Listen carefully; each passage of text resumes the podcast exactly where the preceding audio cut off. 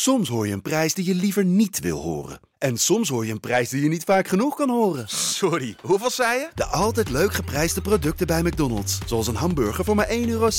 Of een chili chicken voor 1,95 euro. De Pantelich podcast wordt mede mogelijk gemaakt door UdiBet.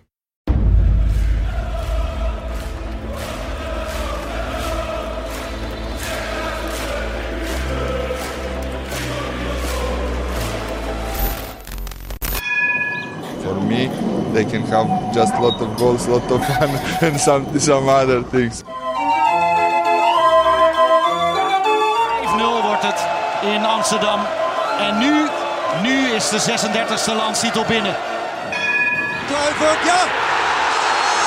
Kluivert 1-0.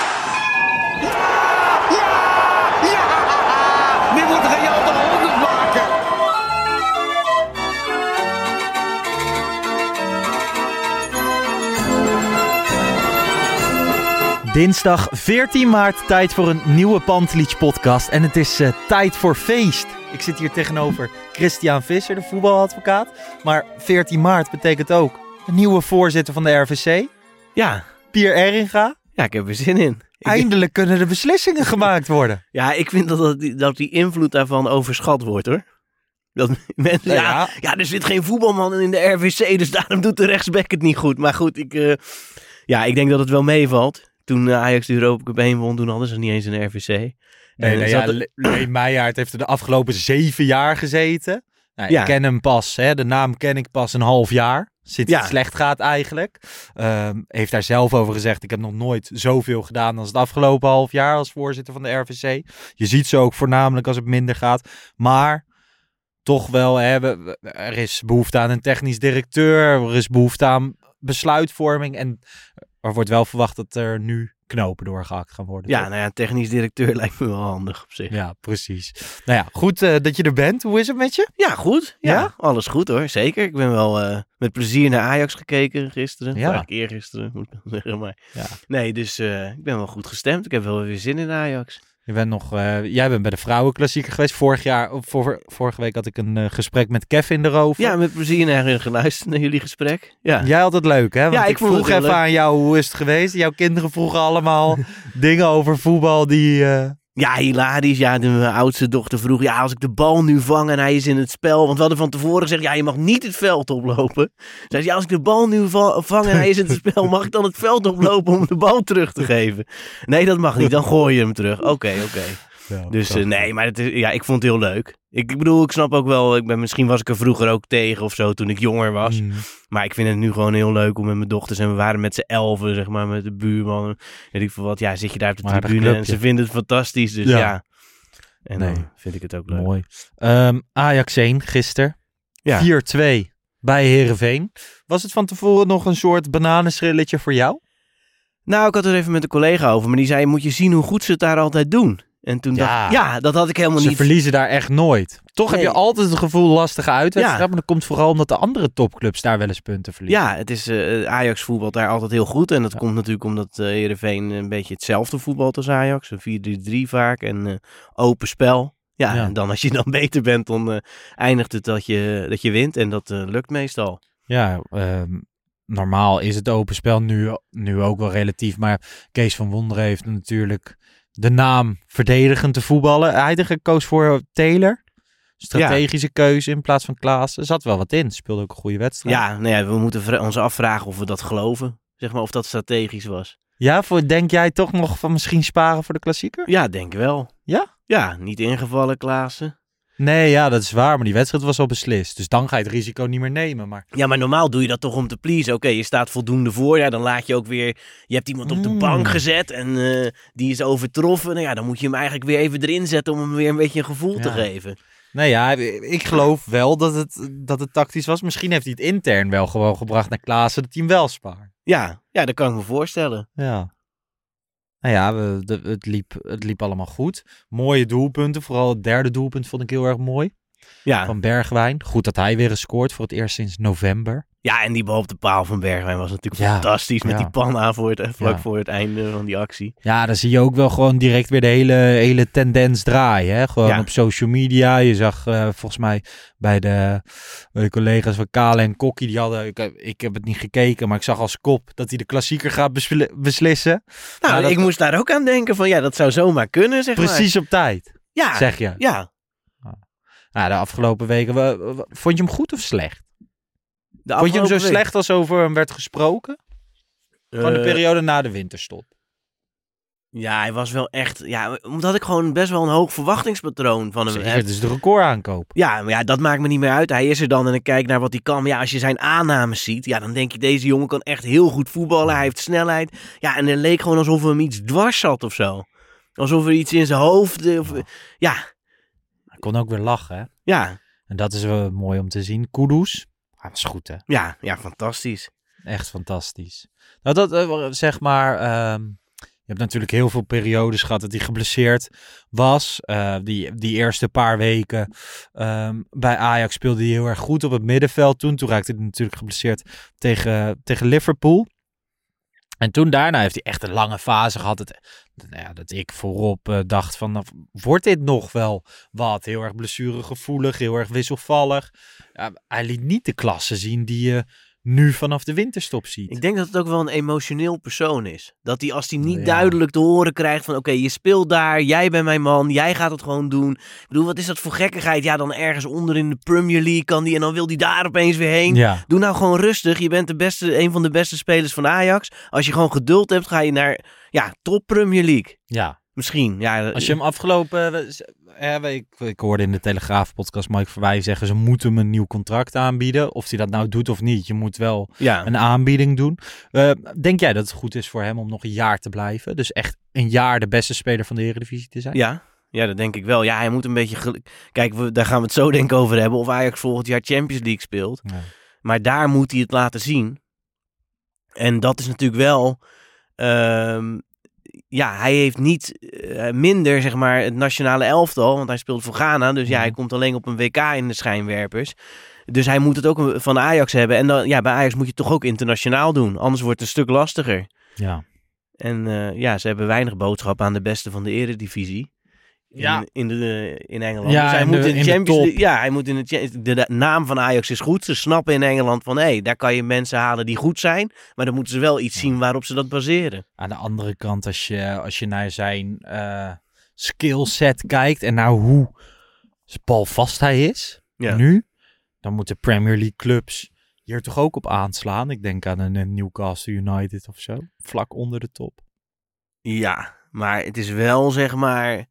Het is een hele mooie auto, maar je stapt erin. Je weet niet waar die heen gaat. Ja, het is wel nog. Ja, het gaat soms echt alle kanten op. Hij dribbelt gewoon in de ruimte. Maar ja, hij is ontzettend sterk aan de bal. Ja, ja. ik, ja, ik denk dat het wel echt. eh, ja, dat Nou ja. top kan halen. Wat dat betreft was het likkenbaardig gisteren eigenlijk. Bij de, bij de 3-0 wist je al wel, dit gaat niet meer mis. Toch bij de 3-1 in minuut 42 ging je toch weer eventjes zitten. Dan weet je het nooit bij Ajax. Nou, hè? ik moet zeggen dat jij, ik heb jullie natuurlijk ook gehoord. Mhm. eh, ik was wel echt wat negatiever. Ik vond de tweede, ja, de eerste helft was natuurlijk fantastisch. Of dan moet je zeggen de eerste half Ja. uur en zo, maar die hele eerste helft was prima. Maar die tweede helft, dan denk ik wel, ja, oké, Ajax is niet echt in de problemen geweest. Maar je had wel momenten, ja, als die 4-3 nu valt, Mhm. dan komt er nog gezeur. En waarom gaan, krijgen Berghuis en Alvarez geel? En waarom doe je zo ingewikkeld? Ja. Dat, ja, dat was echt zonde. Ze raakte echt de controle over de wedstrijd kwijt. Ja, ik moet wel eerlijk zeggen, inderdaad, de tweede helft heb ik niet. ehm, ik, heb, wel- ik zit dan wel te kijken, maar ik keek minder kritisch, omdat het eh, eindelijk weer eens vroeg allemaal gesetteld was. En ik weet wel, Ereveen ging wat opportuner spelen. En inderdaad, als die 4-3 valt, kom je nog in de problemen. En daarom was ik ook best kritisch op een scheidsrechter. Ik vind dat hij niet moet fluiten naar een tussenstand. Ja, dat is grappig, want dat had ik weer, had ik, zag ik weer wat genuanceerder. Ik vond namelijk, ja, die, ehm, hoe heet het, die, eh, nou ja, die Rens was er buiten. Ja. Dat andere vond ik ook, eh, even kijken, wat was er nog meer waar ik twijfel? Ik vond dat, ja, kijk, zeg maar die Swalbe. Mhm. Ja, ik vind het heel naar, zeg maar, als je niet geraakt wordt. En dan, hij ging echt doen alsof hij echt pijn Mhm. had, hè. Die, eh, Maar dat is dan toch een gele kaart? ja, alleen dat doen ze nooit. Dus het is niet... Nee, nee, Ja, ja, dat kijk, is ook. ik maar vind- het meest irriteerde ik me aan, Bobby die wordt neergehaald, gebeurt niks. En dan aan de andere kant van Hooijdonk. En Ja, dan die- gaat het alleen maar om postuur. Nou, die achter, zeg maar, bij de achterlijn dat moment. Daar twijfelde ik, zeg maar, of het een overtreding was. Maar voorafgaand aan het doelpunt van Heerenveen. Ja, ik bedoel, het leek net alsof Bobby op een roltrap stond, zeg maar, de verkeerde kant. Ja. Hij kon gewoon niet naar die bal. Ja, Nee. dat was natuurlijk een overtreding. Alleen ja, dat gebeurt gewoon. Ik vind alleen dat ze met die VAR... Kijk, het punt was altijd met Swalbus...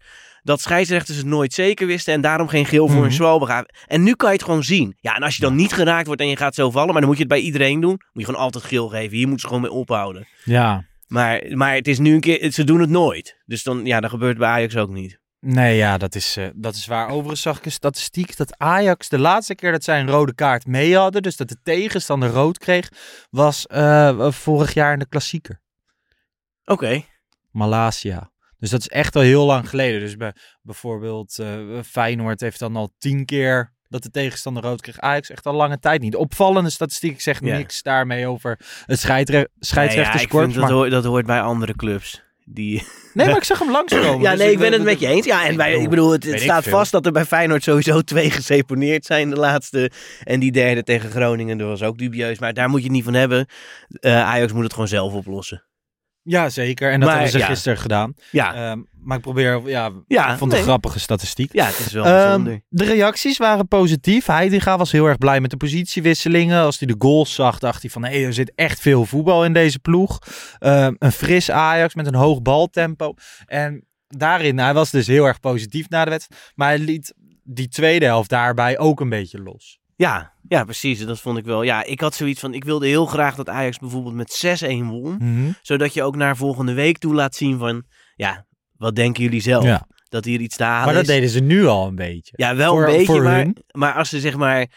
Weet je, als je die, als, die uitslag... Die uitslag is op zich niet afschrikwekkend voor andere clubs. Ja.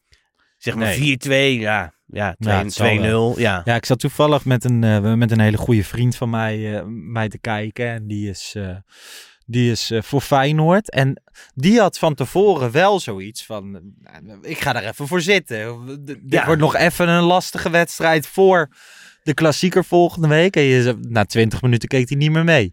Nee, en dus dat, dat, was wel... En ja, andersom heb je het natuurlijk ook. Hè. Ik bedoel, laten we wel zijn. Ik kijk dan ook. Of maar tenminste, het begint zeg maar Ja. met op mijn telefoon kijken hoeveel het staat. Ja, En, maar wat je nu wel ziet. Kijk, er zijn een aantal wedstrijden, er is een aantal wedstrijden geweest waar Feyenoord laat scoorde. Maar waar ze eigenlijk best wel veel creëerden. Maar nu gaven ze best veel weg. Ze creëerden eigenlijk best weinig.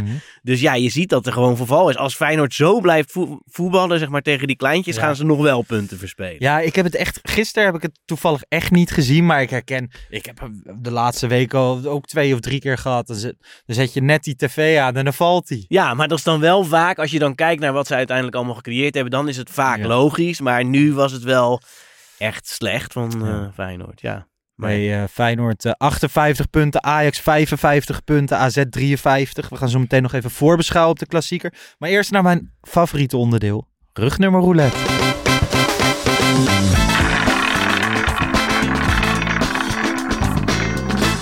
Oh, welk nummertje wordt het? Nummer 18. Ja, dat droeg Bobby hier op huurbasis vorig seizoen. Ik dacht dat hij al pleiten was. Maar eh, die kon toch niet zonder ons Amsterdam hoor. Ja, vandaag eh, rugnummertje 18. En rugnummertje 18 staat voor Lorenzo Luca dit seizoen. En ik moet eerlijk zeggen, daar had ik toch wel eh, ietsjes meer van verwacht. Ja, hij heeft ook nog niet zoveel kansen gehad. Nee, maar de kansen die kreeg, ik vind hem eh, technisch is het echt weinig. Ja, ik Toch? moest toevallig, ik keek nu weer even naar van, hé, hoe ging dat dan toen Ajax tegen Volendam speelde? Ja, En toen gaf hij wel die assist, hè, voor die 1-1. ja dat is waar. Maar eh, ja, ja, het is niet een hele verfijnde voetballer. Nee, nee, en hij is natuurlijk als een, als een pinchitter gehaald. Eh, toevallig toen hij gehaald was, of werd, toen was ik, net, eh, werd ik, was ik net in Pisa. Dus ik heb een Pisa-shirt met Luca achterop, terwijl hij toen al net naar Ajax was gegaan. Vroegen ze zich daar echt af, waarom haal je dan een shirt met Luca achterop? Ehm, ik vond het wel vet. Een, een, Italiaanse spits. Ja, Het lijkt ook een beetje, nou ja, is eh stoïcijns. Heeft gewoon Ja. een bepaalde gezichtsuitdrukking. Is er natuurlijk een paar keer ingekomen. Die gaat ze niet overnemen voor eh 10 miljoen, toch? Nee, 10 miljoen is een beetje veel. Ja, het kan heel goed zijn voor zo'n speler om hier dan te blijven. Maar eh, ja, ik denk dat dat niet Ik gebeurt. denk dat hij teruggaat eh naar Pisa. Maar qua spitspositie zit Ajax er niet eh, heel dik in. Dus wat dat betreft, als die dan wel goed zou zijn, had hij eigenlijk wel een kans gehad misschien. Ja, ja, ik denk alleen al omdat hij geen eigendom is van Ajax, dat ze, dat, dat ze dat niet doen. Op het moment dat Tadic nu onze eerste spits is en Brobby, als je hem niet meer laat spelen, is het echt kapitaalvernietiging. Ja, maar ik vind, ja, nogmaals, ik vind dat die, dat, zodra het seizoen begonnen is, moet dat weg zijn. Ja, ook of je eigendom bent, ja of nee? Ja, eigenlijk wel. Want je moet gewoon kijken naar wat op dat moment het beste is. En ja, ja als Brobby niet voldoet, en daar twijfel ik wel eens over de laatste weken. Ja, dan is het op een gegeven Ja, het is heel zonde, want we hebben heel veel ellende moeten doorstaan en heel veel geld nu weer geïnvesteerd. Maar ja, als je niet heel goed... veel podcast uren over hem moeten praten. Ja, dat is toch fijn, anders je moet echt zo... Ja, nee, dat maar- is waar. ja, dan is het gewoon, ja, dan is het niet goed genoeg. Ik bedoel, ik zeg nog niet dat we daar zijn. Maar ik heb wel, eh, op basis van wat ik de laatste weken zie, wel mijn twijfels. Kritisch. Ja. Ja, toch het gekke is dat hij nog steeds eh, echt veel doelpunten heeft gemaakt. Hè? Maar, maar ik heb hetzelfde hoor. Dat ik echt denk, ja, waar zitten we naar te kijken? Ik heb ook gewoon het idee, dat zei ik vorige week dan tegen Kev. Ik heb wel eens het idee dat hij, ehm, nou ja, vorige week hoe die invalt, dan, dan twijfel ik aan de instelling. Ja, vind ik altijd heel gevaarlijk. Kijk, sommige mensen hebben gewoon meer die stijl. Dat is waar. Ja, dat is waar. Die, die- Maar dan gewoon, daarom was het ook interessant dat, dat Kevin er tegenover zat. En die zei van ja, maar hij wordt ook niet aangespeeld. Ik had ook het idee dat ja, maar hij was wel gewoon slecht, die Ja, wedstrijd. ja. Ja, kom op. Is ook zo. Maar, eh, dus ik was het wat dat betreft met je eens. Maar ja, of die dan hard werkt, dat vind ik wel echt heel gevaarlijk. Maar is instelling altijd hard werken? Weet, dat nou vind ja, ik niet zeg per maar se. rouwmomenten. Kijk, dat, bijvoorbeeld Be- met Berghuis denk ik dat het zeg maar met zijn eh, instelling echt heel goed in orde is. Mhm. Maar die heeft wel zeg maar wat langere rouwmomenten soms. Dus dat als hij de Mhm. bal verliest, dan moet hij daar echt even overheen komen. En dan schakelt hij soms niet gelijk door. Ja, dat is niet instelling. Dat, ja, dat, ja, maar dat moet er wel nog meer uit. Maar ik vind instelling, zeg maar, ik bedoelde daar ook mee dat één specifiek moment hè, waar die, waar die een kopduel aan kon gaan, maar dat dat niet aangaat. En gewoon zijn positionering. Dus hij stond vorige week niet op 9, hij stond niet op 10, maar hij stond op 9,5 in Ja. een soort niemandsland. En dan denk van ja, val, Oh ja, val je dan ja. Ja, maar daar kan, hij, daar kan hij misschien niet altijd iets aan doen. Want dat is ook ja, de opdracht die je meekrijgt en hoe de Ja, anderen dat, staan. dat weet je ook niet inderdaad. Ja, Inderdaad. Teleurstellend eh, in elk geval de afgelopen periode. Met hem ook in zijn invalbeurt. Want eerst zeiden we nog wel eens van ja, misschien als invaller gaat het wel lopen. Maar dat is nog niet het geval. Laten we even kijken naar nummertje 18. Ik moet dan eh, denken aan Rasmus Lindgren. Ja, ik noemde dus Rudy, we hadden het er net even Ja. over. En in mijn herinnering had hij dus een hele grote blonde mat. Maar als ik nu naar de foto's op Google kijk, dan Was dat was niet die zo? mat wel mee. Maar Ja, het was een, zeg maar... Was een was Poolse middenvelder, Ja, hè? een Poolse middenvelder. 98 het seizoen en 99. En 99 was een heel slecht jaar en 98 best een goed Mhm. jaar. En ehm, ja, voor mij was hij niet zo bijzonder. Werden er ook liedjes over hem gezongen op de tribune? niet, Nee? niet die ik me kan herinneren. En die, zeker niet die ik na ga doen hier. was vorige keer ging je Benny McCarthy zingen. ja, nee, dit... Dat was eh, schitterend. hey, eh, Kiki Moussampa, Wesley Snyder, John O'Brien, Nicolas Lodero, natuurlijk die werd gehaald als, eh, als vriendje van Luis Suarez. Ja, die wil, AZ wilde hem hebben. Hè? Dat was het verha- verhaal. Ja, en toen, ging die bij, dan kwam hij op bezoek bij AZ en dan logeerde hij bij Suarez. ja, Heel nee. mooi. Want Toen mocht hij zo, eh, zo komen. Nou ja, Ja. Muric, daar werd nog veel van verwacht, maar is het Ja. uiteindelijk niet geworden. Eh, Dennis Johnson, zelfde verhaal. Hassane Bandé, Marien, Ekkelenkamp. Ekkelenkamp die het overigens goed doet bij eh, Royal Antwerpen op dit moment. Maar eh, nummer 18 is wel een klein beetje het getal of het rugnummer bij Ajax van spelers waar veel van wordt verwacht. Maar uiteindelijk niet veel worden. Nee. Wesley Sneijder heeft hem wel even gedragen. Davy Klaas ook. Ja, toen hij goed werd, kreeg hij 10, toch? Eh, Ja, dat is waar. Dus wat dat betreft geen heel gelukkig nummer. Brian Brobby nog vorig jaar. ja. Dus nou ja, misschien in de toekomst positievere rugnummer 18's. Hey, eh, de NRC. Ja. Vorig jaar kwamen ze met eh, het ontluisterende artikel over Mark Overmars. Dit keer weer een groot artikel. De reconstructie van de transferzomer. Vandaag of gisteren in de krant. Ja. ja wat best, vond je ervan? Ja, best stuitend toch dat het eh, zo is gegaan. Zo- En, ehm, en met name zeg maar... Ja, kijk, ik bedoel, die, die transfers... Het is sowieso, als het slecht gaat, gaat, dan zijn de transfers mislukt. Dus ik vind bijvoorbeeld, ja, Bessie en Wijndal, ja...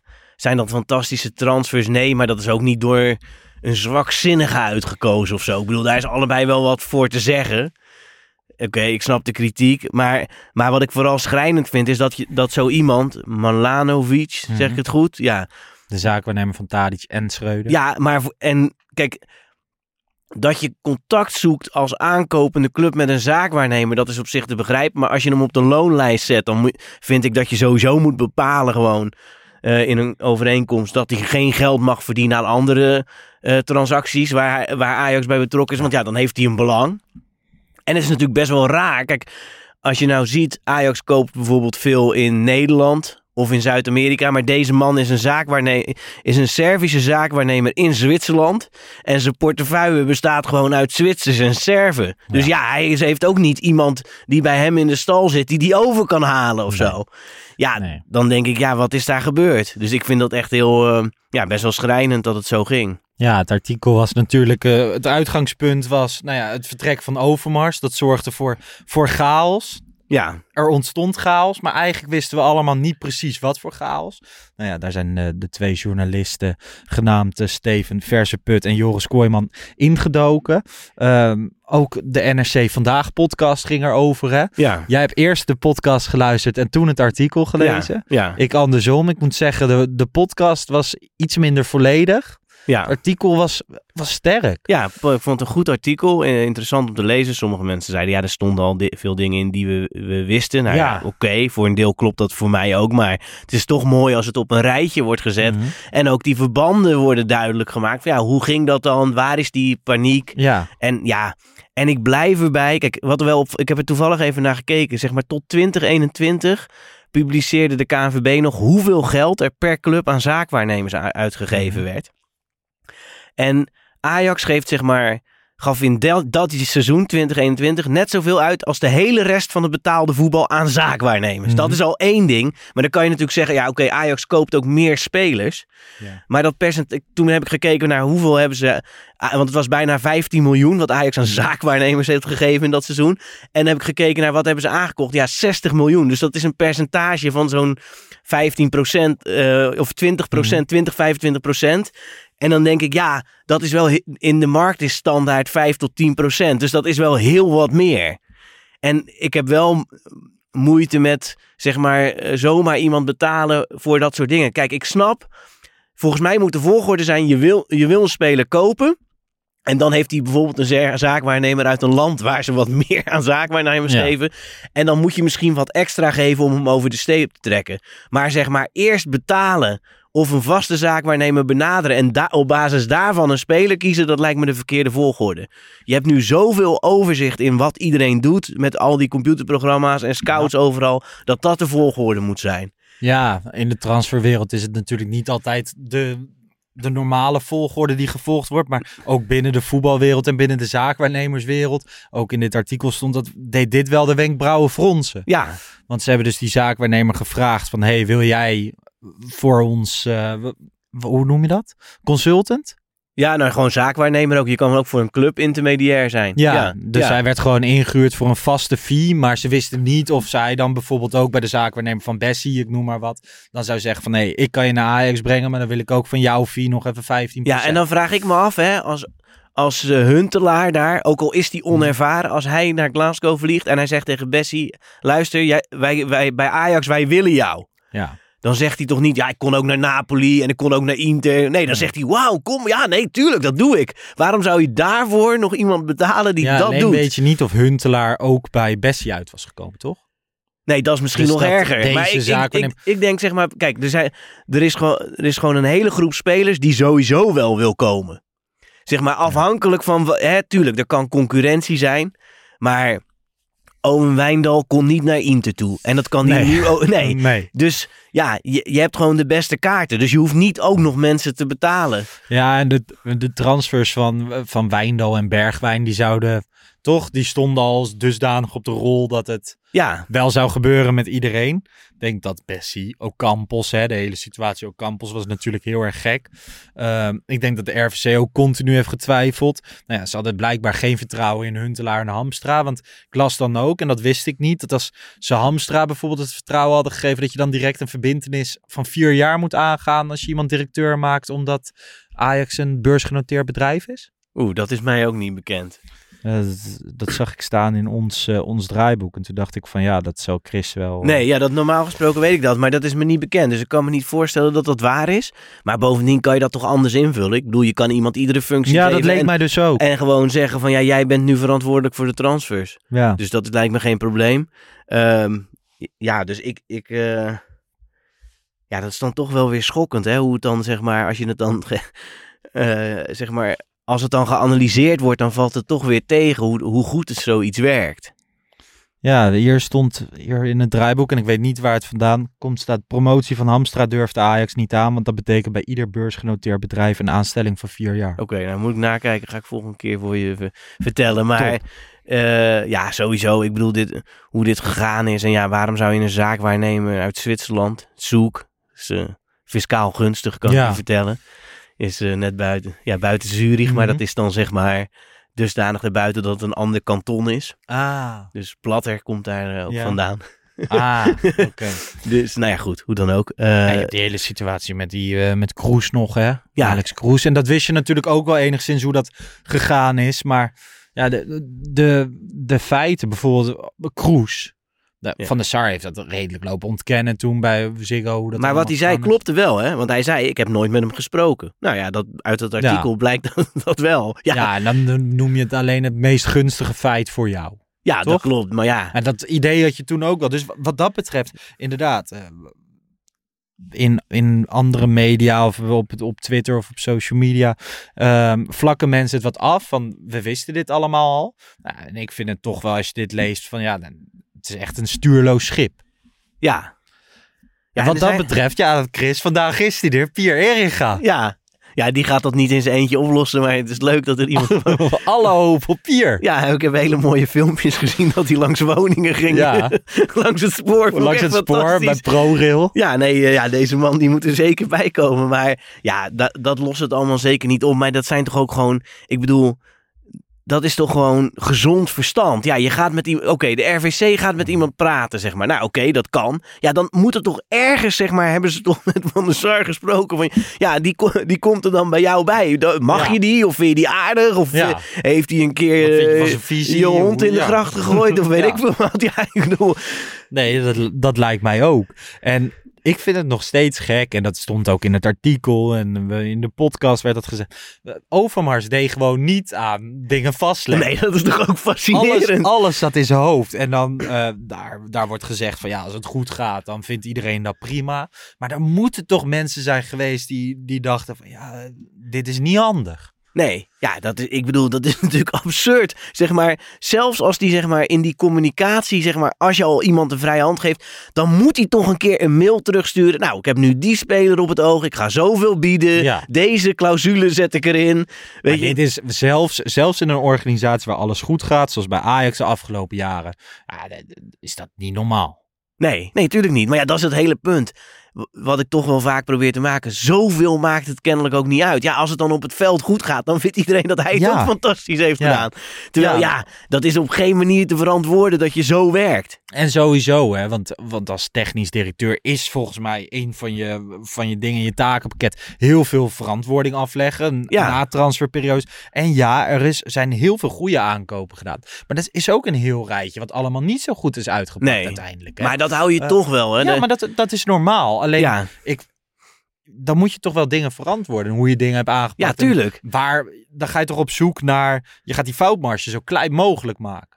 Ja. Dus je gaat kijken van oké, we, we hebben Marien bijvoorbeeld. Op basis van wat is die gehaald? Eh, is dat uiteindelijk, waar is de fout gemaakt? Eh, hoe heb je dat samen met de scouting gedaan? Maar als jij niks, niks hoeft te verantwoorden. Nee, ja, en dat, en dat vind ik sowieso bizar. Ja, ik moet eigenlijk het jaartal zeggen als ik dit verhaal vertel. Maar ik kan me een keer herinneren dat Ajax een seizoen begon. 10 middenvelders en geen linksback. Ja, ik bedoel, dat soort dingen. Ja, je moet toch gewoon st- structureel te werk gaan. Oké, ik heb die posities, die gaat misschien weg. Ja, net als Anthony. Ik bedoel, als wij het er al zeg maar drie maanden over hadden. Kijk, Martinez, daar kan ik wel iets meer begrijpen. Dat was wel, werd in ieder geval Mhm. voor mij korter daarvoor bekend. Eh, maar bijvoorbeeld, ja, Anthony, ja, dat zag je toch al jaren aankomen. Ja, Ten Hag heeft daar zelf over gezegd. In februari heeft hij al gezegd van komende zomer wil ik weg. Ja, dus en heel vaak vond ik dat heel goed, hè, dat er al iemand achter stond. Dat Ja. je denkt van, nou, dat is slim gedaan. Ja, en dat had Overmars vrijwel altijd Ja, voor elkaar. ja Dus dus ze hebben, ik val hem echt eh, helemaal niet af op, eh, op dit gebied.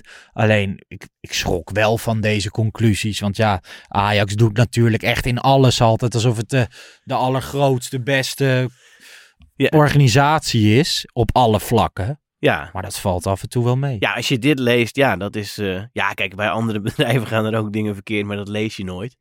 Maar, en het is Ja. natuurlijk... Ja, het is natuurlijk een... eh, Eigenlijk is het gewoon bijna MKB, zeg maar, qua grootte. Mhm. Dat is het 300, 400 man of zo. Ja. Ja, dat is natuurlijk heel wat anders dan een, zeg maar, een echte multinational. eh, dus ja, wat dat betreft, dat is ook wel een excuus. Maar ja, als je dit leest, ja. En zo, Ja. zo iemand, zeg maar, ja, zo'n zaakwaarnemer en die dan gewoon de sleutels geven. Ja, ik, ik ga nog. eh, we, we hoorden dat fragment in die podcast weer terug. Dat hij uit zijn dak ging tegen Excelsior. Dat het heel normaal is als een zaakwaarnemer eh, helpt. Maar eh, ik hoorde dan nu vooral een man die dacht: van ja, ik, ik ben bij Ajax binnengekomen. En er zitten alleen maar mensen die er helemaal niks van snappen. Dus ik ben al lang blij dat mijn zaakwaarnemer tenminste nog helpt. Ja, Want dat is uiteindelijk wel een beetje de ik conclusie. hoorde nu pas hoe emotioneel die, zeg maar, was. Ja, ik, ja, was, ik was toen echt vol verbazing zat Ja. ik daar. Ja, Ik ben helemaal leeg. En dan tussendoor ging hij ook nog even ophelderen wat er met een blessuregeval aan de, aan de hand was. En Ja. daarna liep hij weer helemaal leeg. ja, heel wonderlijk. Die, dat, die hele zaal zat ook zo te kijken van wat gebeurt hier eigenlijk. Alleen Ja. Valentijn Driessen wist nog wat hij moest vragen. Dat was Ja. wel mooi, weet je wel. Dus die stand, Want jij, eh, wa- jij zat toen in die... ja, ik zat in dat zaaltje, toevallig. ja, Want ik ga eigenlijk nooit op de perstribune thuiswedstrijden. Maar volgens mij dit was op, eh, op een zaterdagavond of zo. En al mijn vrienden gingen niet. En ik vond het leuk om dat een keer dan vanuit die Ja, positie nee, te maar- kijken. Eh, en ook op een doodnormale vraag van Freek, volgens mij. Freek Jansen, die liep die opeens helemaal leeg. maar gewoon, ik heb het, eh, ik heb het te doen met, met Schreuder. Ik vind hem een beetje slachtoffer geworden van, van alles. Ook al heeft hij lang niet alles zelf goed gedaan. Bij verre, verre van. Maar we hebben het wel met hem te doen. En ik ben wel benieuwd. hè, Zo'n één zo'n transferperiode kan je, kan je hebben. Nou ja, in, de, in de winter hebben ze amper wat gedaan. Dan hebben ze natuurlijk Roelie gehaald. Wat gewoon een goede aankoop is tot nog toe. Eh, maar komende zomer, ja, we zitten nu ook alweer in maart. Hè? Al die Ja. technisch directeuren zijn nu alweer bezig met: oké, wat gaat er in de zomer gebeuren? Welke Ja, kaarten? maar dat kan je ook zonder technisch directeur doen. Maar ja, Je hebt- Ajax niet. Je hebt ook scouting, je hebt mensen, je kan eh, op Y-Scout kan je iedereen zien. Ik bedoel, ja, Ja, dan, dan maar- ga- ja, ik vind het wel bijzonder. En dan, ja, we moeten de as versterken. Dan denk ik, nou, de backs misschien. Ja, de- ja, Ja, ik, ik las ook weer dat ze in, de, in eerste instantie dan een centrale verdediger en een middenvelder. En dan willen ze Ja. nog een spits erbij.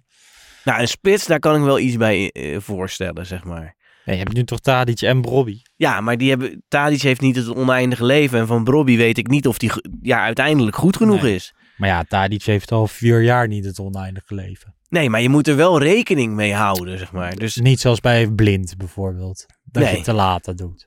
Ja, Dat is ook moeilijk, hè? Het is ook moeilijk, want bij Tadic had je ook vorig jaar kunnen zeggen van dat je Tadic en Blind onder dezelfde ja, noemer had genoemd. Dat hebben wij zelfs afgelopen in de eerste seizoen zelf nog wel eens gedaan. ja. Terwijl, ja, Tadic levert nu wel weer week in, week uit. Gisteren Ja, ook weer. Of Blind dat doet, weten we niet, want die speelt niet. Nee. Maar een beetje ja. een trieste situatie ook, hè? Nou ja, hoezo? Het is toch fantastisch voor hem? Hij, kan, hij had nooit verwacht dat hij dit nog kon doen. Ja, ik, had, denk, ik denk oprecht, ik denk dat Daily Blind doodongelukkig is. maar denk je dat hij echt dacht, ik ga daar gewoon Ja. 80% van de Ja. tijd spelen? Nou ja, denk het wel. Nou, dan had hij echt eh, een enorm bord voor zijn kop, toch? Ja, want die, die jongen, wat is het? Davies is Davies. Ja, die is nu weer terug. Ja, ik bedoel, dat is echt een hele goede speler. Er is toch no way, zeg maar, dat Blind op deze leeftijd dat niveau nog kan gaan halen. Afgelopen weekend viel die zeven minuten in. Ja, nee, maar dat is toch- speelde, die was ook niet heel erg Ja, maar is- ik bedoel, ik zou dat echt... Het is toch fantastisch? Het is een leuke stad. Je hebt nog een keer in, bij zo'n club kunnen kijken. Hij is bij Man United geweest, bij Ajax. Nou, Ja. van- ik zou het Ja, ja. fantastisch vinden. Ja, als hij echt dacht dat hij daar gewoon alles ging spelen, ja, dan... Ja, Er dan was vorige week nog een interview of zo dat hij wel de hoop had dat die komende Ja, periode tuurlijk. dat er meer aantrekt. wat moet hij dan zeggen? Ja, ik zou het liefst de hele dag bretzels eten en ik vind het wel een mooi stadion. Ja, Ja, daar heb je ook weer gelijk in. Maar toch, hoeven Deli Blind, die was niet blij als hij op de bank zit. Nee, bij Ajax kon hij dat. Dat is natuurlijk ook een reden van het probleem. Dat hij, zeg maar, dat, hij dat echt nul accepteerde. Ja, Vorige week was hij jarig ook. Hè? Hadden Ajax wel weer een goede post met gefeliciteerd. Ja, nee, maar ik bedoel, we mogen nooit vergeten hoe belangrijk die voor Ajax is geweest. Nee, maar het voelt, zo het voelt dubbel. Ik snap ook dat ze het doen, maar het is afgelopen. Ja, maar daarom vind ik ook altijd bij dat soort dingen van ja. Kijk, het is ook sowieso een fout van Schreuder. Maar het is ook. Ik bedoel, als Blind er zeg maar beter overheen kon stoppen, dan had het ook goed gekomen. Dat Ik is bedoel, eh, dat hij gewoon even naar andere. Ja, ik ben heel en Van der Sar het gewoon open moeten doen. En, zeg, ja, en dan zeg je gewoon, nou ja, deze meneer is nu een passant, die speelt nu niet. En wie weet, over drie weken is het weer anders. Misschien is die over drie weken wel weg. Ja, En zo, eh, zo gebeurde het allemaal. Ehm, we hebben weer een Mokums Memories deze week. nou laat het Tamar horen. ging weer op pad en eh, ze ging naar een Johan Cruijff museum. Mokums Memories. Hi, Rien. Goedemorgen. Goedemorgen. Welkom in het Johan Cruijff Museum. Dankjewel. In Bokstel. We komen meteen eh, binnen in het museum, zie ik inderdaad. Ik zie, weet eigenlijk niet zo goed waar ik moet kijken, want overal waar ik kijk, zie ik alleen maar Cruijff, Ajax, Barcelona, Nederland ook. Maar vooral alleen maar heel erg veel Cruijff. En wat, wat zit daarachter? Gaat het daar nog door? Hier is mijn schatkamer. Hier, beginnen het oh, we zijn er nog niet. Hier beginnen Oh, pas. ik dacht dat we er al waren, maar... Oh, zo. Wow. Jeetje. Mijn wat hobby. veel. Een beetje een uit de hand gelopen hobby. Passie. Kan ik wel zeggen. Passie. Passie hier geworden. Ja, En wat, wat vind je dan zo bijzonder aan Johan? Is dat, het is natuurlijk een van de beste voetballers aller tijden. Maar het was denk ik ook wel echt een karakter. ja, het is ook de mens daarachter. Want als je Maradona pakt, als we het over voetbal hebben, is Maradona gelijk aan Cruijff. Maar als je dan praat over de mens, ja, kan Maradona door heel zijn nevenactiviteiten, zal ik het maar noemen, niet En jij hebt natuurlijk ook het voorrecht gehad om uh, Cruijff nog te zien spelen. Um, wat is daarvan dan jouw mooiste herinnering aan een wedstrijd met hem op het veld? Ja, dat is toch wel de finale van 2 juni 71 op, uh, op Wembley. Tegen Panathinaikos, toen ze voor het eerst de Europa Cup 1 wonnen. Is één wel... Uh... Toen zijn wij s'nachts aangekomen op Schiphol en toen zijn we daar blijven slapen. Toen hebben we de spelers ook met de Europa Cup zien landen. Nou, dat was geweldig. Kruip. Heel handig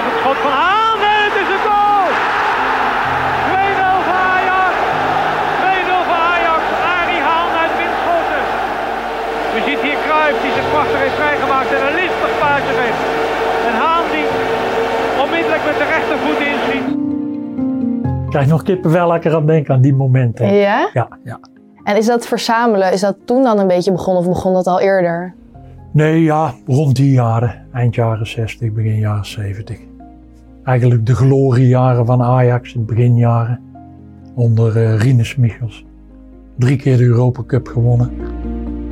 Wat voor jou zijn nou echt de parels daar in het Ajax-hoekje? Dit shirt ja. heb ik gekregen van de Foundation. De Foundation die doet elk jaar een run, 14 kilometer run, mm -hmm. ter nagedachtenis aan Johan. Maar ook om uh, sponsors en sponsorgeld te genereren. Toen heb ik hier op de weekmarkt gestaan en ik had meer dan 3000 euro opgehaald. En toen had ik die, uh, die sponsoractie had ik toen gewonnen. En toen kreeg ik dit gesigneerd shirt. Dat hebben ze gedragen de eerste wedstrijd na het overlijden van Johan. En dat was uh, gesigneerd door Serrero. Dit is best wel een mooie herinnering. Alleen ben ik blij dat hier de uitslag niet bij staat. Want toen hadden ze voor de, uh, voor de afscheidswedstrijd hadden ze Bayern München uitgenodigd.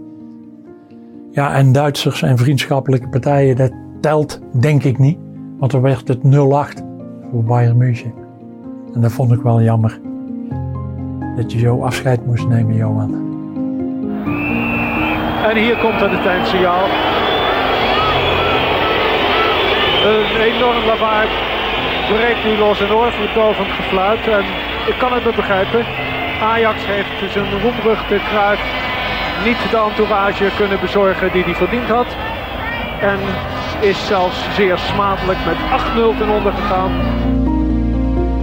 Kan je daar misschien nog wat van laten zien? Want ik zie daar ook heel veel oude, mooie foto's. Ja, daarbovenop hebben we het elftal foto. Ja. En het hele bijzondere eraan is, als je goed kijkt, Johan, die speelde als enige speler met twee strepen. En waarom was dat? Eh, hij had eh, als eh, sponsor had hij Puma en de rest was allemaal Adidas. En toen zit hij, ik doe al mee in 74, maar niet met drie strepen. Want dat kan ik niet maken tegen. En hij kreeg het voor elkaar dat met twee strepen. Alleen hij krijgt dat in één keer voor elkaar. Hij krijgt dat voor elkaar, hè? Is er iets wat mist? Ik kan me voorstellen dat er items zijn die je nog niet hebt, die je moet hebben. ja, ja. Bovenaan mijn bucketlist staat toch wel een gedragen shirt. Of schoenen. Maar dat is financieel niet haalbaar. Er is al een bod opgedaan van 47.000 euro.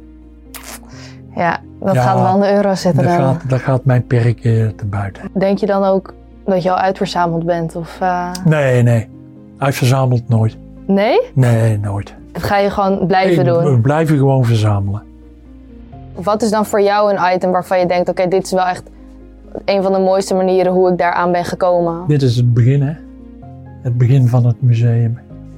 Was dat de allereerste? Dat was de canvas die ik kreeg met mijn verjaardag van Ah. mijn peterkind. En die hong ik aan de muur. En toen kwamen eigenlijk de bananendozen naar beneden. En zo is het eh, een beetje ontsprongen, zeg maar. En daarna heb ik er eigenlijk een soort van museum van gemaakt.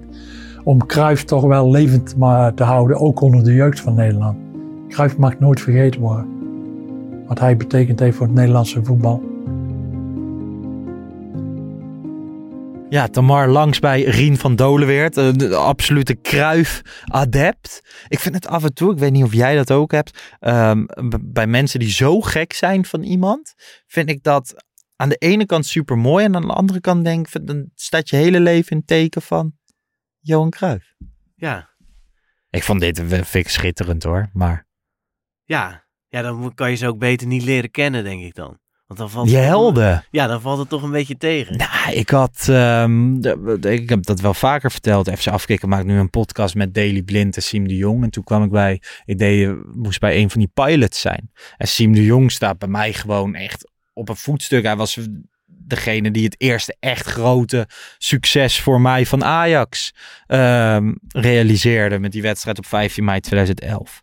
En ik, ik kom daar en ik ben de Siem de Jong nog steeds voor alles dankbaar. Vind het ook hartstikke aardig. Maar eh, ja, het is wel gewoon een mens ook. Ja. Weet je wel, terwijl je helden in je hoofd maakt, is het groot. Maar ja, hij, hij poept gewoon en hij plast ook gewoon. En toch, na vijf minuten is het dan Ja. over. Ja, ik heb... Heb jij helden?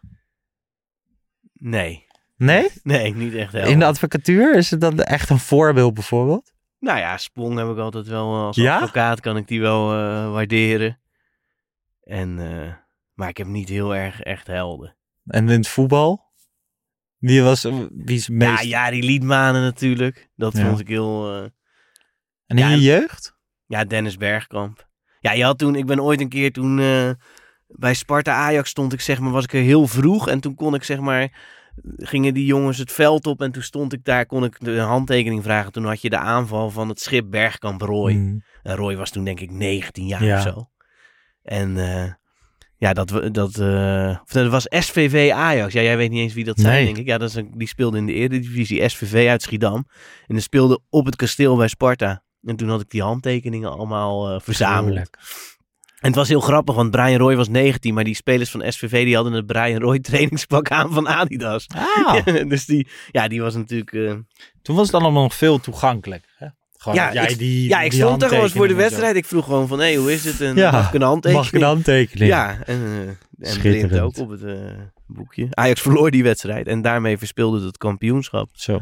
Dus dat was een hele aparte. Ja. Maar goed, hoe dan ook. Ja, nee, ik heb niet... Ja, als ik ze dan ook tegenkom. Ik ga niet op een foto of zo. Of... ehm, Ja, het laatst toch? Ja, ik, stond in, ik zat in het hotel bij Ajax, bij Union Ajax zat ik in het hotel. En stond ik in de lift met Kudus en eh Bessie. Ja. Voor, ja, voor de wedstrijd. Ze waren op weg naar de wedstrijd. Ja. Ja, ja, ik sta dan gewoon in de lift. Ja, daar kwam Maar een man... zeg je dan wel gewoon hoi? Ja, ik knik. En Ja, ook. gewoon net ja, als je bij ja, andere die jongens zijn zich aan het concentreren op de wedstrijd. eh, en eh, dan kwam iemand bij, ook de lift in. Die was eh god ouder dan ik. Ik zei, come on boys. Ja. En, knikten ze vriendelijk. Yes Ja. sir. Ja. Ja, ik bedoel, die jongens moeten lekker hun ding doen, toch? Ja. Ja, dus ja, maar wist jij het van tevoren? Want jij ging Nee, naar nee, nee. toe. Nou, dat is wel grappig. Ik had contact daar in Berlijn. Toen zei ik, zoek, ik zei van ja, ik zoek een hotel. Toen zeiden ze van Union, ja, dan kan je in dat hotel, daar zitten de spelers van de tegenstander altijd. Maar toen kwam ik aan, er stond die hele selectie stond daar. En dan zie je een beetje die verhoudingen, zeg maar. Dat vind ik wel grappig om te zien. Klaassen en zo, die, we staan bij de, wat is het, Mm. pooltafel. En Constantiao, die zat in een hoekje. En dan denk ik, ja, als je al niet zo groot bent, dan moet je ook niet zo'n hele grote telefoon nemen.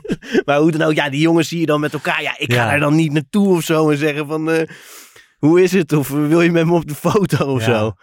Ja, ik vind het wel grappig om te zien, maar ja, verder doe ik dat ja, want je, bent dat, je kijkt wel even over je krant heen. Ja, Toch? ja, en Roelie die kwam heel beleefd. Ik, stond, eh, ik moest inchecken en hij stond naast me aan de bar en hij vroeg of hij water mocht hebben.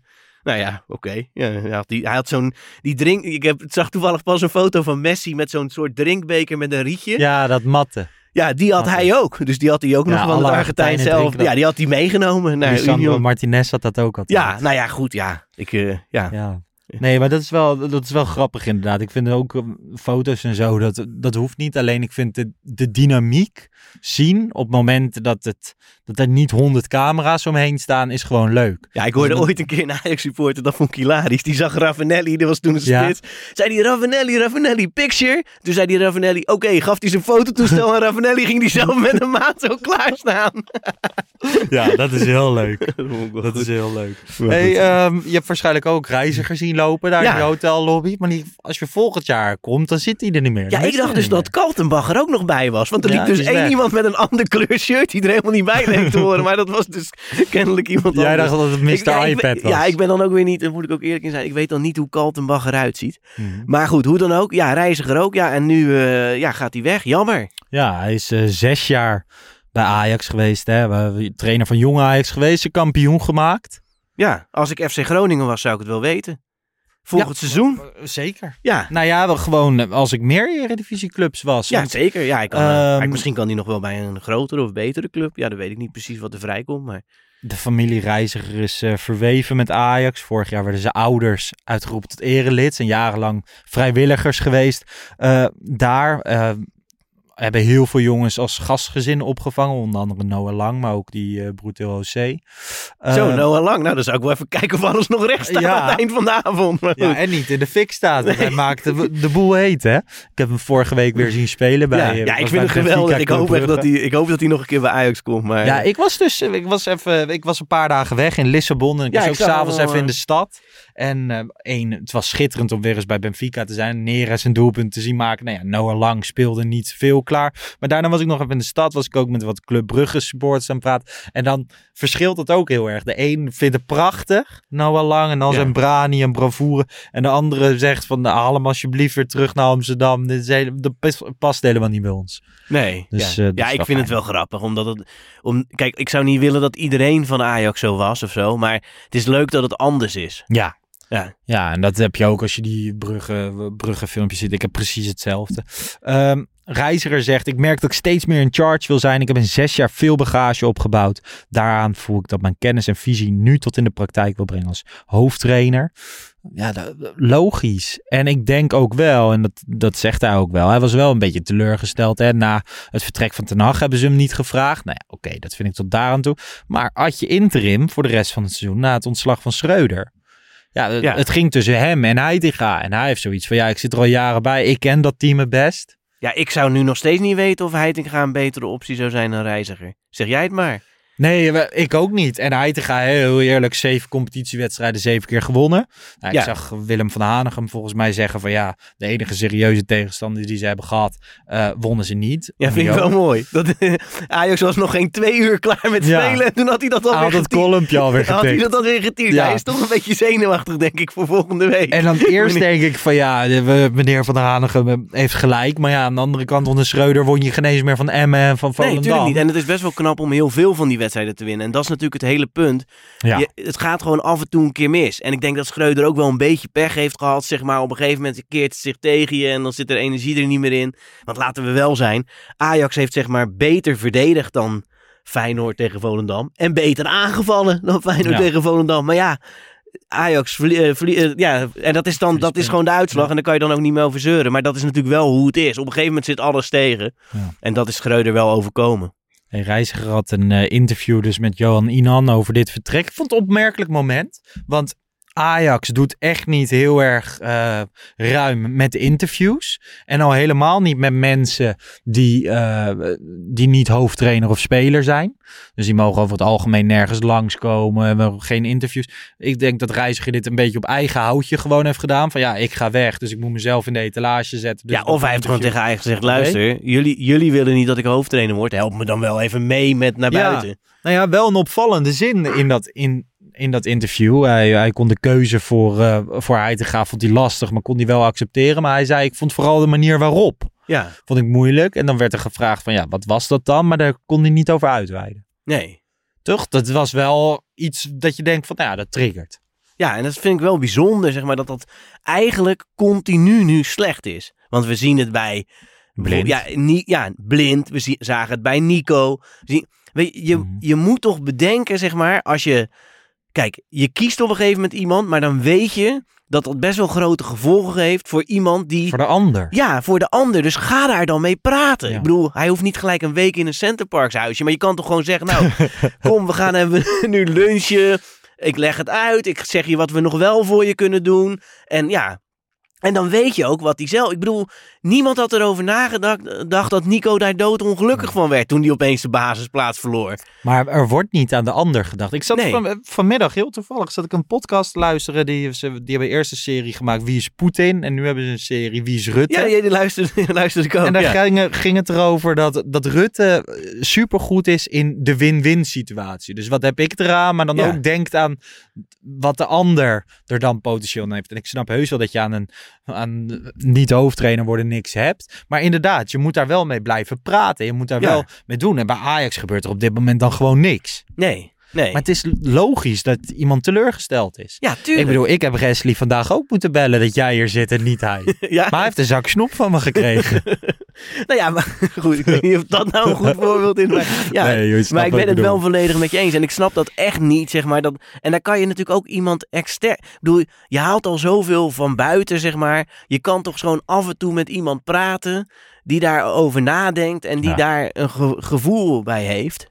Ja, klopt. En ik, ik kan me er nog. Je kan, tot, eh, je kan ook deze beslissing accepteren. Hè, dat hij geen hoofdtrainer wordt bij Ajax. Hebben ze blijkbaar geen vertrouwen in, in zijn capaciteit als Nou hoofdtrainer. ja, het is ook een beetje geluk toch misschien. Ja, nu is het dit. Ja, en het Precies. het had ook andersom kunnen zijn. Ik Ja. bedoel, ik vind juist bij dit voorbeeld... vind ik helemaal niet dat per se dat eh hij het graag geschikter was. Nee, Ja. ik denk dat je dat heel erg gewoon van binnen de organisatie moet kijken. En dat er heel erg wat valt te zeggen voor. We wilden de dynamiek veranderen en even iemand Ja. erbij pakken die de eerste seizoen zelf er helemaal niet bij betrokken was. Ja, en dat vind ik Dat best wel een goed argument. Ja, Ja, vind ik ik wel een goed argument. Maar dan moet je ook wel gewoon zorgen dat je goed bent. Om, zeker omdat het natuurlijk ook best wel een klein wereldje is. Ja. Dus je komt. Kijk, en als de reiziger het bij twee clubs goed doet... dan vind ik hem sowieso al heel geschikt om daarna Ja. naar Ajax te Ja. komen. Ja, soms heb je ook gewoon een, een tussenstap nodig. En ik ben heel erg benieuwd. Ik gun het hem wel. Hè. Ja, bij mij is hij heel erg likable. Ja, zeker. Bij mij ook een positief eh, En je moet wel eh, zorgen dat je mensen met het AX-DNA binnen de club. Ja, Dus waar hij gaat, zal er weer iemand anders moeten komen. ja. Ja, dus... eh, Dus ik ben benieuwd. We gaan het, we gaan het volgen. En ja, gratis tip aan FC Groningen. Ja, Gewoon vanuit ons. ja. Ik neem aan dat ze zitten te luisteren. Ja, zeker. Ik weet niet of eh, meneer Reiziger ook naar de KKD wil, maar...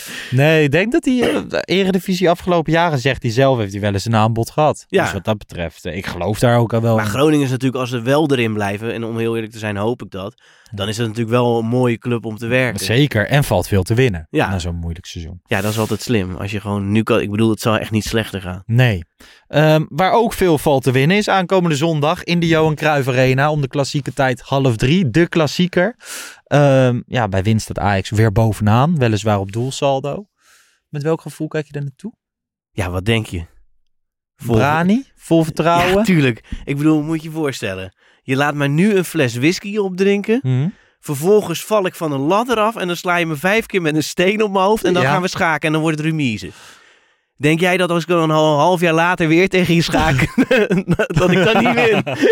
ik bedoel, als ze in het aller... Ze hebben Ajax in het aller, aller, aller slechtste moment van de afgelopen 20 jaar zijn ze ze tegengekomen. en ze hebben gewoon minder kansen gecreëerd in die wedstrijd dan Ajax, hè? Ja. Ik bedoel, ze voetbalden gewoon tegen een kreupelen. Ja, dit, ik kan me echt geen, niet voorstellen dat Ajax die wedstrijd niet wint. Echt niet.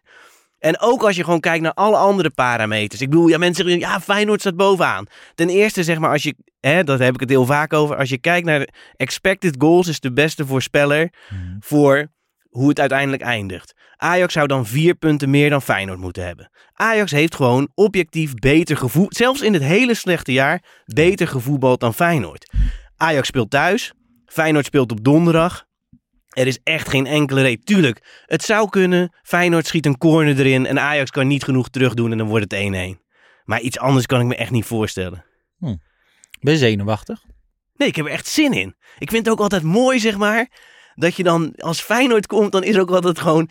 Ja, meestal, ja, eerlijk is eerlijk, de laatste keer was het heel spannend, maar meestal maken ze zichzelf kapot of zo, of doen ze iets belachelijks. Sint-Just al Ja. in de eerste paar minuten. Dat inderdaad. Vorig jaar, vorig jaar was schitterend. Toch? Die, die laatste minuut. Eh, En ik ben helemaal niet, daar ben ik eerlijk in hoor. Daarna ben ik er helemaal niet zo zeker van. Ik zie nog best wel dan dat Mhm. Feyenoord kampioen wordt. je hebt het over deze specifieke Maar deze wedstrijd. wedstrijd. daar heb ik echt geen twijfel over. Nou, ik moet, ik moet wel zeggen, eh, ook als Feyenoord naar de arena komt, is altijd. Het is een totaal andere wedstrijd dan tegen PSV. Ja. Gewoon ook gevoelsmatig, hè, hoe alle supporters erbij lopen. Ja. Dit, dit is de wedstrijd van de Eredivisie. Dat, Ja. is, dat is zowel in Rotterdam zoals in Amsterdam. En de wedstrijden tegen PSV zijn leuk en spannend, maar hebben lang niet deze lading. En dat, Nee. de, ik geniet daar altijd extreem van. Ik ga ook altijd echt heel vroeg met mijn vriendengroep de kroeg in. Dat kan nu ook. Of geen wedstrijdeditie te doen. Eh, die doen eh, Jan en Bart. Maar lekker vroeg de kroeg in. De spanning opbouwen. Je komt bij de arena. Je drinkt nog een biertje. Je merkt gewoon dat er iets staat te gebeuren. Ja. En... ehm, nou ja, en vaak worden we daar, eh, daarvoor beloond. Rijkelijk voor beloond met, met drie punten. De laatste keer dat Feyenoord won was, was 2005 in de arena. Maar eh, ja, dit is wel de, de klassieker hoe je hem wil. Ja, dit, ja het staat. Spannend op de ranglijst. eh, een, een onervaren clubheld als coach bij ons. En laten we eerlijk zijn, Slot doet het gewoon echt verdomde goed. Bij Feyenoord heeft over het algemeen in topwedstrijden zijn dingen, zijn zaakjes op orde.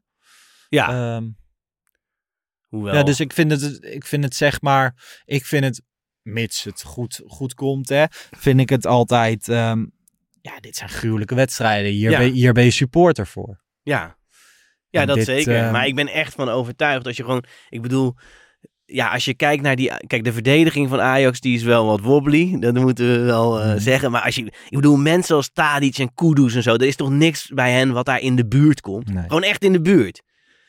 Ik bedoel, dat, Nee. dus ja. Nee, ja, ik, ik ben het met je eens. Alleen ik durf het niet zo, zo uit te spreken zoals, zoals jij dat doet. Ja, maar want ik komt- weet ook, want ik heb eigenlijk vandaag zit ik eigenlijk op jouw stoel. Heb ik datzelfde gevoel van ah, het kan bijna niet en veel betere selectie. En als je naar de cijfers kijkt, ze winnen niet. Maar ik weet ook dat dat naarmate de week vordert, verandert dat in spanning.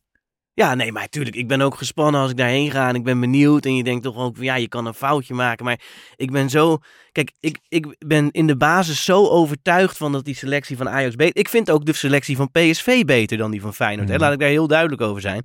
En ik ben daar zo van overtuigd. En ik denk, en ja, omdat het zo tegengezeten heeft, ook qua hoe het ging en, hoe, en al die ellende. Ik bedoel, we, we hadden het net over dat artikel in de NRC. Die wedstrijd die Ajax in Rotterdam speelde. Twee dagen daarvoor hebben de spelers gestemd en allemaal gezegd dat de trainer weg moet. En dan kom je daar met die gedachte. hè, Met die gedachte is die trainer daar, die spelers. En dan nog winnen ze niet. Ja, Van ja, dat, is met Ajax. dat hele artikel met die Joost en zo. Die, eh, die ehm, hoe heet dat? Die therapeut of zo. Toch? Dat had je dat relletje. Dat er, een- Ja. hoe noem je dat? Psycholoog in de kleedkamer Ja, precies. Dus die, ik bedoel, de situatie was zo slecht, zeg maar, qua de hele sfeer. De, ik bedoel, Klopt er niks meer van. Ik was ook echt, dat was, ik bedoel, ik, daar ben ik ook gewoon eerlijk in. Hè. Ik was toen echt, ik zat toen echt bij die wedstrijd gewoon, oh yes, weer tien minuten voorbij. Zo Mhm. keek ik ernaar. En, en toch, weet je, eigenlijk viel het allemaal wel, wel mee. En dat, en dat is natuurlijk, dat maakt het nu ook anders, is dat, ja, zij staan eerst. Uiteindelijk pakt Ajax natuurlijk gewoon die, die rol van, ja, en dan zijn sommigen, ja, Tadic zegt dat hij favoriet is. Ja, maar dat is toch... Zei het, hij, zei het, is- Taylor zei wat daarvan de uitslag wordt. Dat zien we zondag, maar we gaan wel winnen. Ja, maar ik bedoel, zeg maar objectief gezien is Ajax ook favoriet. Hè? Dus de boekmakers, die hebben het gewoon... Ik bedoel, waarom denk je dat ze zoveel geld verdienen? Omdat ze gewoon goed zijn in het inschatten van die kansen. En die geven, de, die geven niet alleen Ajax meer kans dan Feyenoord. Die zeggen dat het de grootste kans is dat Ajax wint. Zeg maar meer Mhm. dan die andere twee samen. Ja. Dus het is gewoon, objectief gezien, is, is het ook de grootste kans. En natuurlijk, ja, het is voetbal. Dus het kan gewoon. En dan is het ook klaar. Hè? Laat ik daar. Als het 1-1 wordt, dan, heb, dan is het voor mij. Dan, ja, sorry, maar dan geef ik het op. Dan wordt Ajax geen kampioen. Nee, dan wordt Ajax geen kampioen. En dat is ook het voordeel. Kijk, ik vind Arne Slot sowieso een goede coach. Mhm. En ik denk ook dat hij, het voordeel is dat hij niet zo'n hele goede voetballer is geweest. Hij heeft in zijn leven maar één Europese wedstrijd Ja. gespeeld. Met NAC tegen Newcastle, heb ik vandaag even opgezocht. En dat- wat is daar het voordeel van? Dat als hij tegen Emmen gaat spelen, dan zegt hij, dit, je moet er nu voor gaan. Dit is heel belangrijk. Hij, hij heeft nog nooit in zijn leven zijn best gedaan tegen een degradatiekandidaat als speler. Nog nooit. Dat hoefde niet. wat je bedoelt. Ja, en dat, en dat maakt hem. En ik vind het echt. ja, dat durf ik ook wel hoor. Ik weet, ik weet niet of we dat. We zijn een Ajax-podcast, maar ik vind Slot een goede trainer. En, eh, maar als je gewoon kijkt naar de kwaliteit van de selectie, dan is die van Ajax gewoon. Ja, en zeker Beter. eh, nu Ajax weer een vorm aan het raken. Dus jij zei ook nog even, zij, zij spelen donderdag, wij niet. Ja, Ja, de, ik denk inderdaad, gisteren in die wedstrijdeditie hebben we het er ook even over gehad. Voor dit Ajax is dat voordelig, want ze kunnen die trainingsuren goed gebruiken en de, eh, de visie van Heitinga en zo.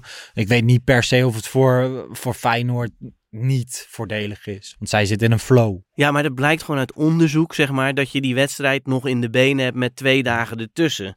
Dus de, er is heel veel gekeken naar hoe zijn dan de resultaten tegen vergelijkbare teams. Ja. En dan presteren die teams die op donderdag voetballen slechter. Is daar wat aan te doen? Nee, want je moet ergens Europees voetballen. En ze kunnen niet op maandag Ajax Feyenoord spelen. Dus dat is gewoon wat erbij hoort. En meestal was het andersom. Was Ajax nog in Europa actief en de tegenstander niet.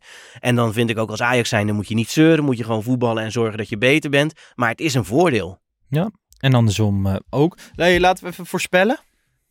3-0. 3-0, Ja. dus de 0. Eh, ik zag, Roelie zag er gisteren. eh, Nee, ik dat, hoop dat eh, hij nee. zondag scherper is. Ja, Dit, vind, ik- eh, vind ik moeilijk man. Want ik wil hem heel graag he- heel goed vinden. mhm. En ik ben wel tevreden. En ik vind ook dat het goed dat we gewisseld hebben van keeper. Ja. Maar het is niet perfect. Nee, eh, het, is vooral wat er bij mij brengt. Ik vind het echt een hele goede keeper. Ik ben blij hoe die meevoetbalt en zo. Maar dit soort momenten tegen Union, maar ook, ook gisteren, ehm, gaan er wel voor zorgen dat ik nooit helemaal zeker op de bank zit of op de tribune zit. Ja, en het gekke is dus, als die, als die wel gaat, dan is die eigenlijk beter in die hoge ballen dan je zou denken. Want je denkt, nou ja, hij is niet Mhm. Ja. extreem groot voor mijn gevoel. Hij is En- 1,89. Ja. Hij is groter dan je denkt. Ja, dat is altijd met keepers natuurlijk een beetje. Maar hij is niet, weet je, hij toornt er niet Mhm, bovenuit. klopt. En hij is best wel goed in de lucht als hij er wel bij zit. Ja. Alleen ja, nu, eh, die, ik vond ze bij allebei die doelpunten, was het niet zo Nee. heel sterk. Nee. Nee, dat eh, moeten ze daar ook gezien hebben. Ehm, nu, nu is het redelijk gelukkig dat Feyenoord niet heel erg van die eh, opportunistische voorzetten gaat spelen. Ja, dat weet je niet precies. Dat vind ik op zich nog wel spannend. Want ze zijn, ja, een van die dingen van hen is druk zetten. Ja, ik weet niet of dat verstandig is Nee. voor hen. Nou ja, op deze backs bijvoorbeeld. Maar Ja. als die er enigszins onderuit kunnen voetballen. Wordt echt Ja. een, eh, een interessante wedstrijd wat dat betreft. Ik denk, eh, ja, ik, ga- ga ik dan mee in jouw enthousiasme? Ik denk dat het wat spannender wordt, maar dat Ajax uiteindelijk met 2-1 wint. Oké, ja, dat is het heel vaak geworden. Dus 2-1. eh, laten we daarop op houden. We hebben een heel draaiboek tegen de vlakte geholpen. En ik vond het, eh, ik vond het eigenlijk al wel weer leuk. Ja, zeker. Af en toe heb je zo, zoiets van, ja, dat we- er zo'n draaiboek goed gevuld. Artikel in de NRC, wel reiziger. Ja. De wedstrijd gisteren, de klassieker opkomst. Goede Ajax-tijden weer. Ja, er gebeurt veel. En het is gewoon, ja, je, ik heb gewoon heel veel zin in die wedstrijd van zondag. Ja. En ik heb ook wel met plezier, zeg maar, ook al heb ik er ook, ben ik er ook wel kritisch op, echt met plezier gekeken naar die wedstrijd eh, van afgelopen zondag. Waarbij, ja, kijk, ik bedoel, toch heb ik, ik heb liever 4 4-2 met echt, ja, zulke, zoals Bergwijn, Mhm. dan dat je 2-0 wint Ja, en niks weggeeft. zeker. De, de- de- ik denk dat elke Ajax ziet dat heeft. Ja. Mocht je dat nou niet hebben, eh, stuur het dan even op Twitter, Instagram of TikTok. App Pantelich Podcast. Je kan ons daar ook gewoon volgen of wat anders sturen. Wat Gis- moeten ze dan zeggen? Ik wil graag dat het 0-0 wordt. Of... Nee, gewoon, ik heb liever een saaie 1-0. Oké, en maar hoe moet ik dat met TikTok doen? Op TikTok kan je gewoon onder onze filmpjes reageren. Oké. Jij ging laatst wel hard op TikTok met je Ben- Benny McCarthy liedje. ja. Ja, Ja, nee, ik, eh, dat, is, dat- dat is echt waar. Ja, werkt En- dat goed op TikTok? Ja, het, het liedje ging goed en eh, filmpjes van Tamar gaan ook heel goed. Laatst was Ja. eentje 310.000 keer bekeken. Oh, nice. Dus op. TikTok, eh, we are growing. We gaan eh, internationaal. Eh, Oké, we houden het hierbij. We zijn er gewoon weer met een wedstrijdeditie na Ajax Feyenoord. En eh, volgende week dinsdag weer met een reguliere podcast. Tot dan. Mazzel. Ciao.